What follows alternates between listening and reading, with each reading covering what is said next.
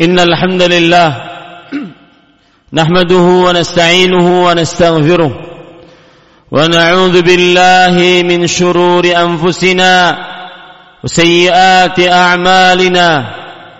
من يهده الله فلا مضل له ومن يضلل فلا هادي له. وأشهد أن لا إله إلا الله وحده لا شريك له. وأشهد أن محمدا عبده ورسوله. يا أيها الذين آمنوا اتقوا الله حق تقاته ولا تموتن إلا وأنتم مسلمون.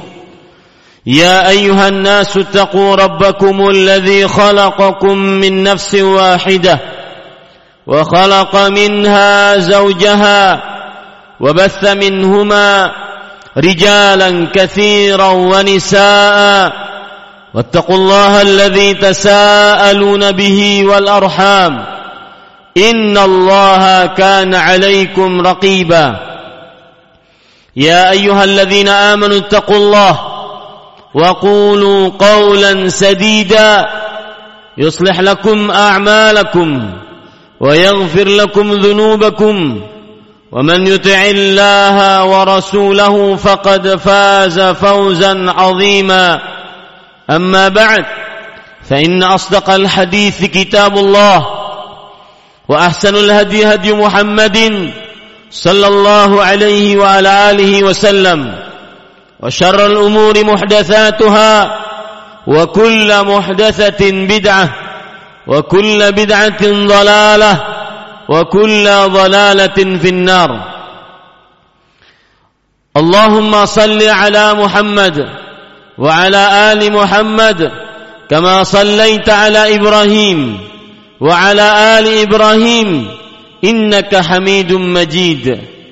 وبارك على محمد وعلى آل محمد كما باركت على إبراهيم وعلى آل إبراهيم. إنك حميد مجيد أيها المسلمون أوصيكم ونفسي بتقوى الله فقد فاز المتقون Wahai kaum muslimin Khatib mewasiatkan Agar senantiasa bertakwa kepada Allah subhanahu wa ta'ala Sungguh Orang-orang yang bertakwalah yang benar-benar mendapatkan keberuntungan Kemenangan dan keselamatan di dunia dan akhirat. Qala Allah Ta'ala fil Qur'anil Karim wa atimmul hajj wal umrata lillah dan sempurnakanlah pelaksanaan ibadah haji dan umrah hanya karena Allah Subhanahu wa taala. Ayyuhal muslimun rahimanillah wa iyyakum. Kita sekarang di salah satu bulan dari bulan-bulan suci yang disebutkan oleh Allah Subhanahu wa taala dan rasulnya salawatullah wa salamuhu wa barakatuh alaih. Yaitu bulan Dzulqa'dah Nabi Muhammad sallallahu alaihi wasallam bersabda As-sanatu ithna ashara syahran minha arba'atun hurum thalathatun mutawaliyat. Dzulqa'dah wa Dzulhijjah wal Muharram wa Rajab Mudhar baina. Satu tahun terdapat 12 jumlah bilangan bulan. Dari 12 tersebut terdapat 4 bulan suci. 3 bulan berada secara berurutan. Bulan Dzulqa'dah, bulan Dzulhijjah dan bulan Allah Al-Muharram. Dan bulan yang keempat bulan Rajab yang diagungkan oleh kaum Mudar yang terletak antara bulan Jumada dengan bulan Sya'ban. Kemudian setelah bulan Zulqa'dah kita akan mendapati bulan Zulhijjah. Salah satu bulan yang agung dan suci di sisi Allah Subhanahu wa taala. Di dalamnya terdapat ibadah yang sangat mulia bahkan termasuk rukun Islam. Rasulullah sallallahu alaihi wasallam bersabda dalam hadis riwayat Bukhari, "Buniyal Islamu ala khams, syahadati an la ilaha illallah wa anna Muhammadan Rasulullah wa iqamis salah wa saumi ramadan wa ita'iz zakah wa haji baitillahil haram.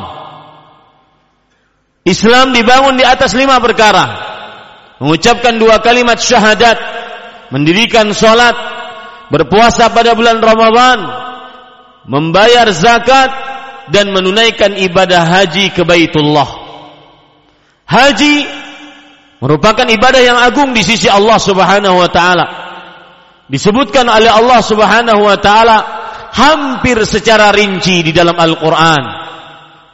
Disebutkan oleh Allah Subhanahu wa taala dalam surat Al-Baqarah, "Yas'alunaka 'anil ahillah, qul hiya mawaqitu lin-nasi wal hajj." Mereka bertanya kepada engkau tentang bulan-bulan.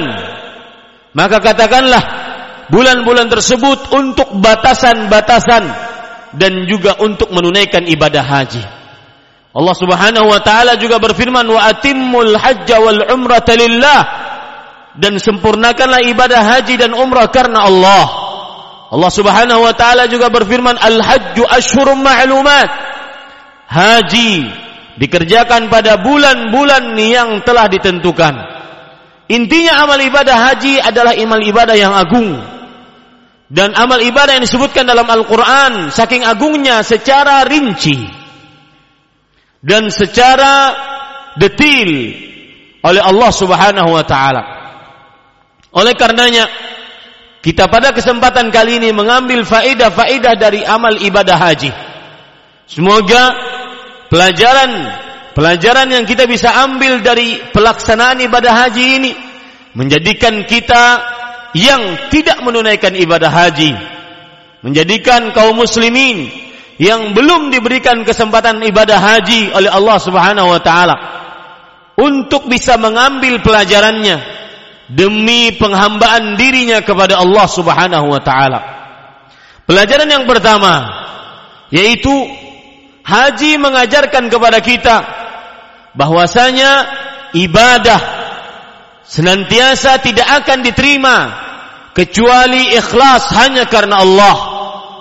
Ikhlas yang tidak berharap pujian dari Allah, tidak berharap pujian kecuali dari Allah dan tidak berharap hadiah kecuali dari Allah Subhanahu wa taala.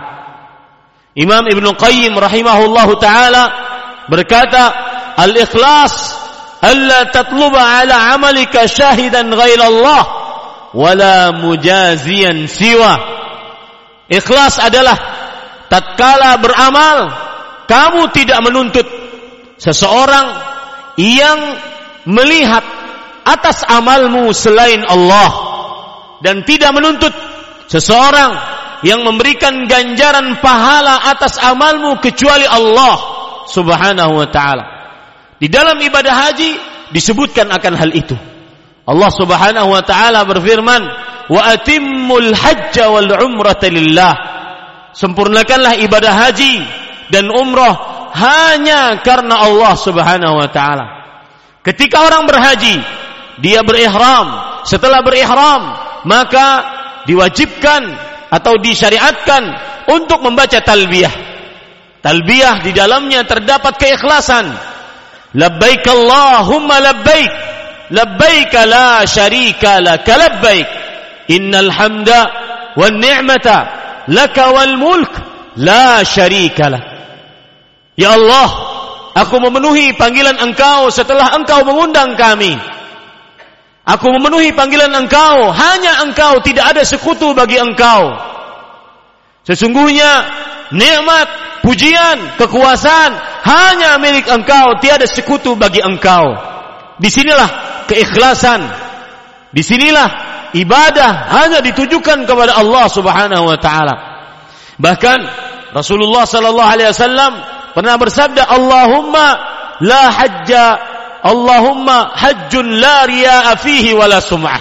Ya Allah, inilah haji yang tidak ada ria, tidak ingin dipuji, tidak ingin dapat hadiah dan tidak ada sum'ah di dalamnya tidak ingin memperdengarkan amalan kepada manusia kecuali kepada Allah.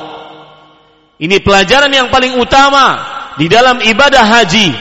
Bahwa haji mengajari kita untuk senantiasa mengukur hati dalam seluruh amal ibadah. Ikhlaskah kita? Lima fa'alta? Untuk apa kamu mengerjakan ibadah ini? Untuk siapa kamu tuju? Apakah hanya untuk Allah atau pujian manusia atau hadiah dari manusia?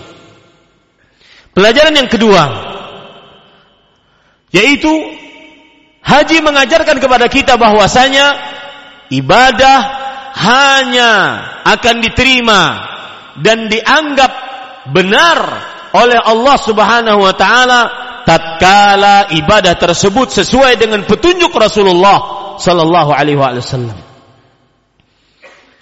Ibadah haji disyariatkan pada bulan-bulan yang sudah berbilang. Ibadah haji bisa dikerjakan dari mulai seseorang berihram di bulan Dzulqa'dah ataupun sampai kepada bulan Dzulhijjah. Siapa yang mengerjakan ibadah haji di luar waktunya, maka tidak akan pernah dianggap sebagai haji.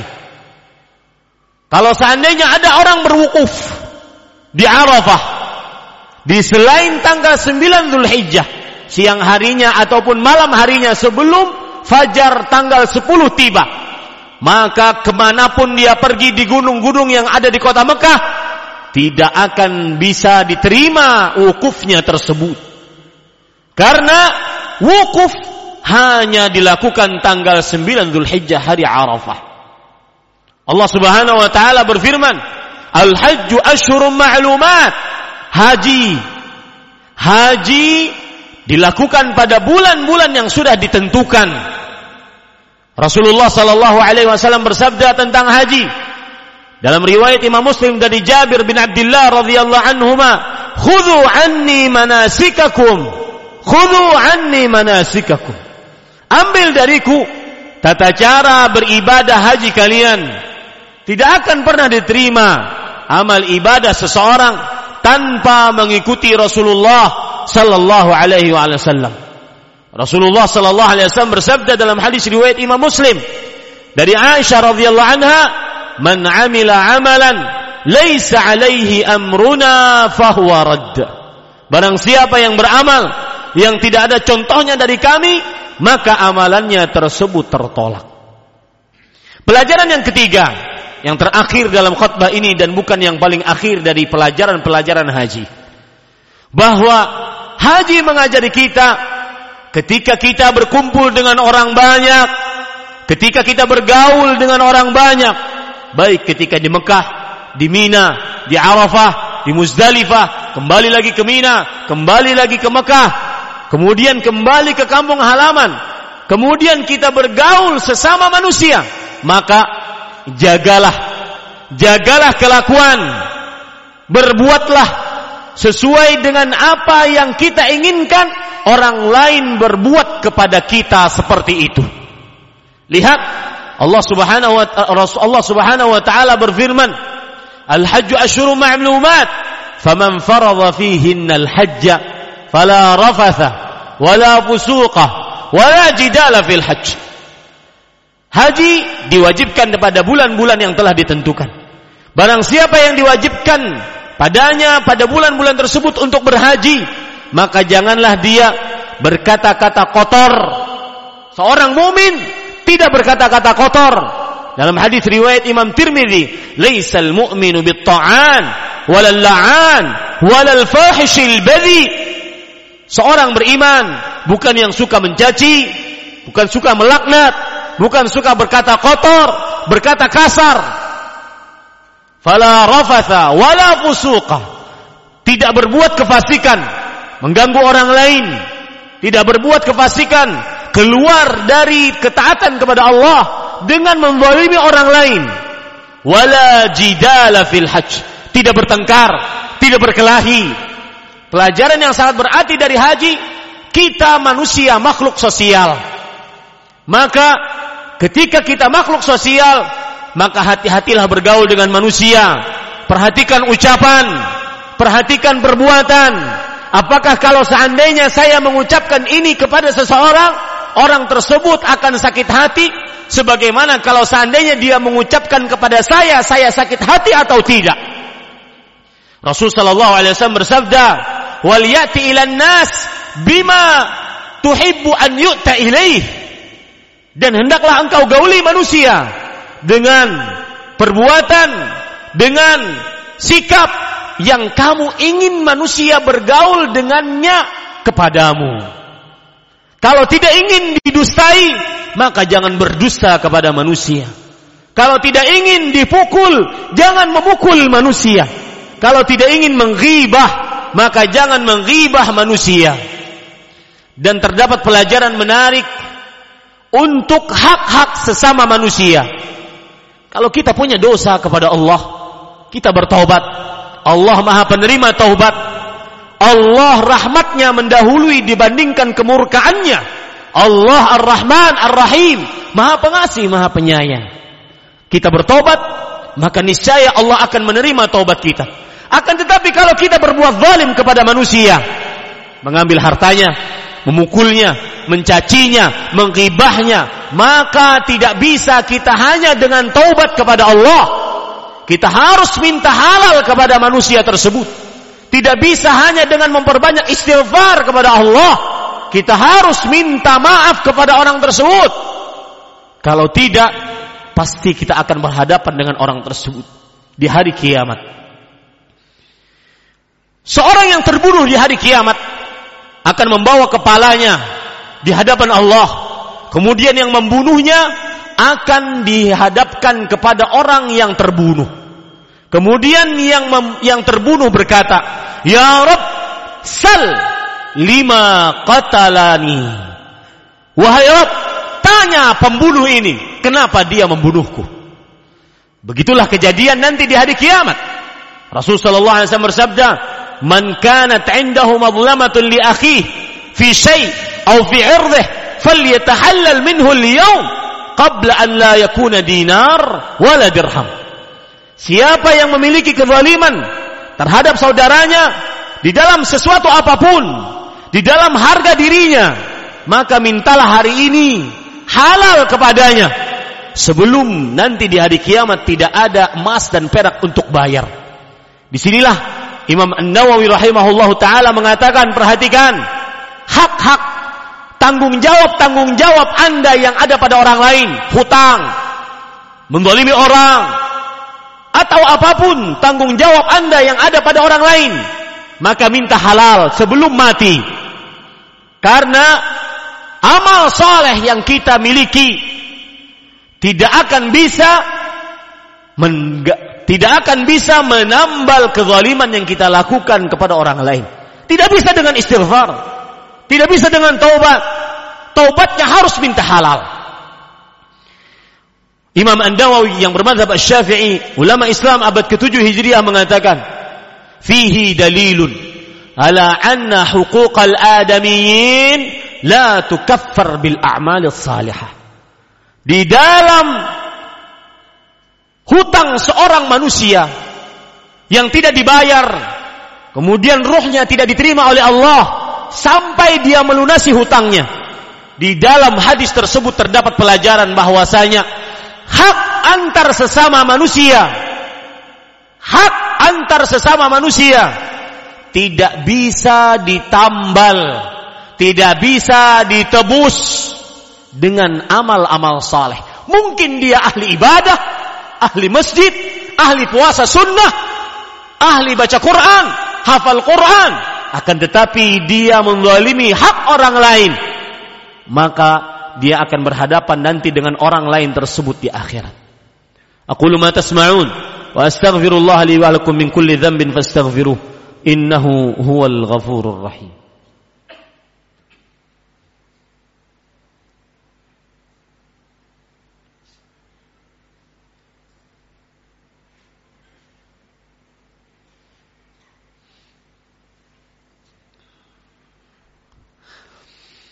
الحمد لله رب العالمين وبه نستعين على أمور الدنيا والدين والصلاة والسلام على أشرف الأنبياء والمرسلين سيدنا وحبيبنا ومولانا محمد وعلى آله وصحبه أجمعين.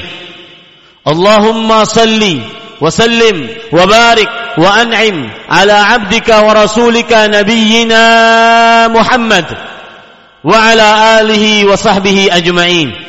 أيها المسلمون التقوى التقوى تقوى الله عز وجل بفعل ما أمر الله به واجتناب ما نهاه الله عنه. hendaklah kalian selalu bertakwa. hendaklah kalian selalu bertakwa kepada Allah. Dengan mengerjakan seluruh perintah Allah dan menjauhi larangan Allah Subhanahu wa taala. Qala Allah taala fil Qur'anil Karim Inna a'tainaka al-kautsar fasalli li rabbika wanhar. Sesungguhnya kami telah memberikan kepada engkau al-kautsar. Maka salatlah untuk Rabbmu dan sembelihlah untuknya. Ayuhal muslimun, di dalam bulan Dzulhijjah bagi orang yang menunaikan ibadah haji maka ketika dia mengerjakan ibadah haji tamattu' ataupun ibadah haji qiran maka mereka diwajibkan untuk menyembelih hewan hadiu. Dan hewan hadiu termasuk daripada kewajiban haji bagi yang menaikkan ibadah haji dan haji, tamattu dan qiran adapun kaum muslimin yang tidak mengerjakan ibadah haji maka disyariatkan bagi mereka untuk berkurban pada hari Idul Adha dan hari-hari tasyrik 11, 12, 13 dari bulan Zulhijjah. Dan ibadah kurban adalah ibadah yang agung. Cukup keagungannya disebutkan di dalam di dalam Al-Qur'an oleh Allah Subhanahu wa taala. Fasalli li rabbika wanhar. Salatlah untuk Rabbmu dan sembelihlah untuknya. Imam para ahli tafsir mengatakan Salat yang dimaksud di sini adalah salat Idul Adha. Dan sembelih yang dimaksud di sini adalah yaitu berkurban untuk Allah Subhanahu wa taala. Ayyuhal muslimun. Pelajaran yang kita bisa ambil dari berkurban yang pertama yaitu dari kisah kurban. Kurban adalah kisahnya Nabi Ibrahim alaihissalam yang melihat di mimpi beliau menyembelih anaknya yang sangat beliau cintai saat itu yaitu Ismail alaihi salam.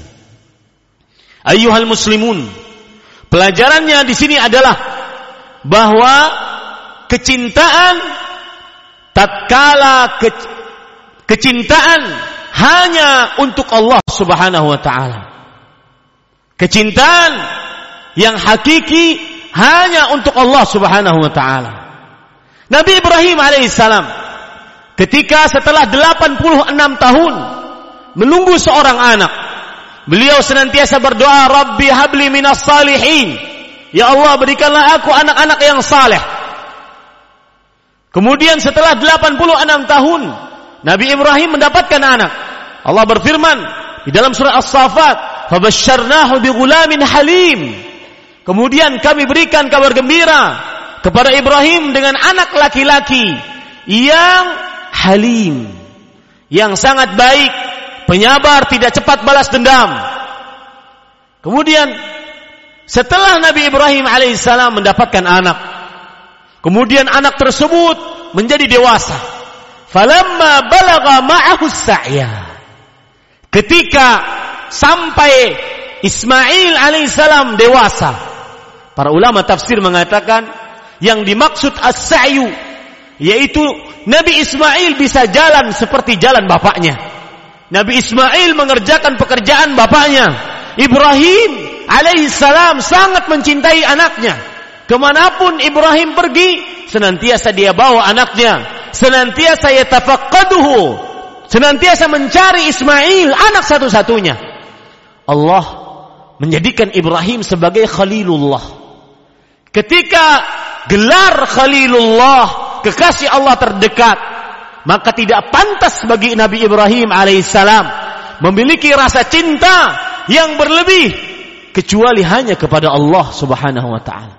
Pada saat itulah Allah menguji Nabi Ibrahim untuk membunuh yang dicintainya. untuk menyembelih yang dicintainya. Untuk apa?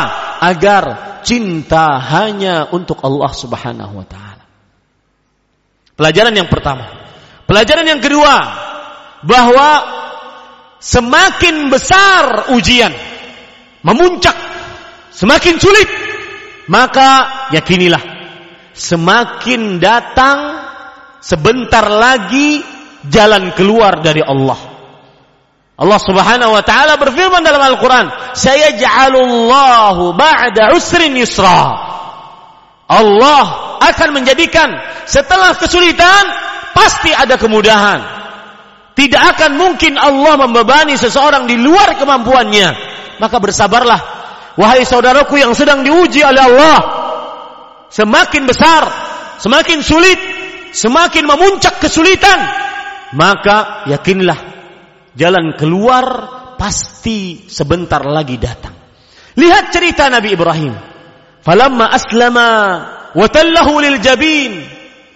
Ketika kedua-duanya menyerahkan diri. Nabi Ismail berbaring, Nabi Ibrahim ingin menyembelih anaknya, maka apa yang terjadi? Allah Subhanahu wa taala menggantikan Nabi Ismail dengan kabshin akran ayun dengan domba yang putih yang gemuk yang bertanduk dan sangat indah. Lihat setelah kesulitan pasti ada datang kemudahan. Maka jangan pernah bersuudzon kepada Allah Subhanahu wa taala Pelajaran yang ketiga, ketahuilah dan yakinilah pilihan Allah adalah yang terbaik. Pilihan Allah adalah yang paling indah hasilnya.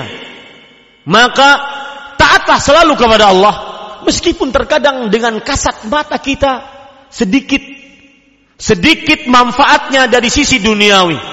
Sedikit keuntungannya dari harta kita harus meninggalkan yang haram. Kita harus mengerjakan yang halal. Tetapi hasil yang halal sedikit dibandingkan yang haram.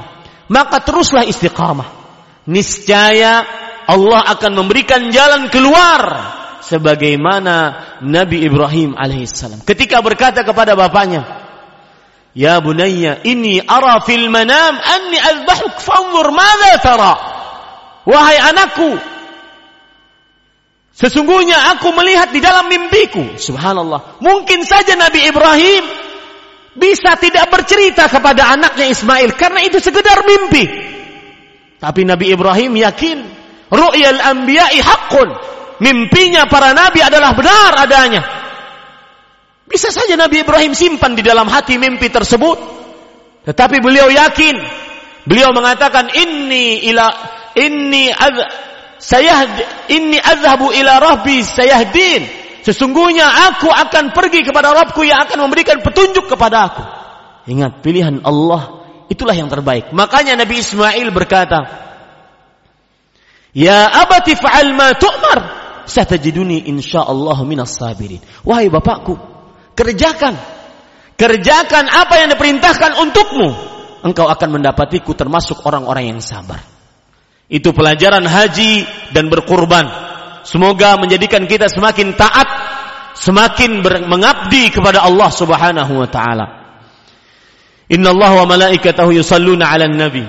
Ya ayyuhalladzina amanu sallu 'alaihi wa sallimu taslima. Allahumma salli 'ala Muhammad wa 'ala ali Muhammad kama sallaita 'ala Ibrahim wa 'ala ali Ibrahim innaka Hamidum Majid. Wa barik 'ala Muhammad وعلى آل محمد كما باركت على إبراهيم وعلى آل إبراهيم إنك حميد مجيد. ورضى اللهم عن الخلفاء الراشدين أبي بكر وعمر وعثمان وعلي وعن الصحابة ومن تبعهم بإحسان إلى يوم الدين. اللهم اغفر للمسلمين والمسلمات والمؤمنين والمؤمنات الأحياء منهم والأموات. ربنا اغفر لنا ذنوبنا ولوالدينا وارحمهم كما ربونا صغارا. ربنا اغفر لنا ذنوبنا ولوالدينا وللمؤمنين يوم يقوم الحساب. اللهم أعز الإسلام والمسلمين وأهلك الكفرة المشركين. أعداءك أعداء الدين. اللهم شتت شملهم ومزق جمعهم وألق في قلوبهم الرعب. إنك على كل شيء قدير. اللهم ارحم المستضعفين من المسلمين في فلسطين. اللهم ارحم المستضعفين من المسلمين في سوريا. اللهم ارحم المستضعفين من المسلمين في كل مكان برحمتك يا أرحم الراحمين. اللهم انصر إخواننا المجاهدين الموحدين في كل مكان.